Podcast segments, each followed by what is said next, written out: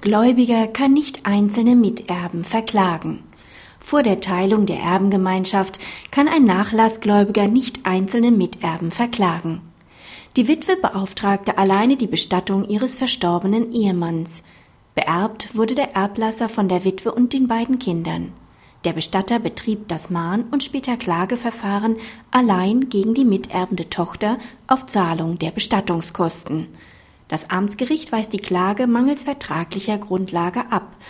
Außerdem greift Paragraph 1967 BGB nicht ein, da der Gläubiger nicht bei ungeteilter Erbengemeinschaft einen Miterben in Anspruch nehmen kann. Praxishinweis die Entscheidung zeigt, wie sorgfältig bei einer Erbengemeinschaft ein Gläubiger auf den korrekten Klagegegner achten muss, um den Prozessverlust zu vermeiden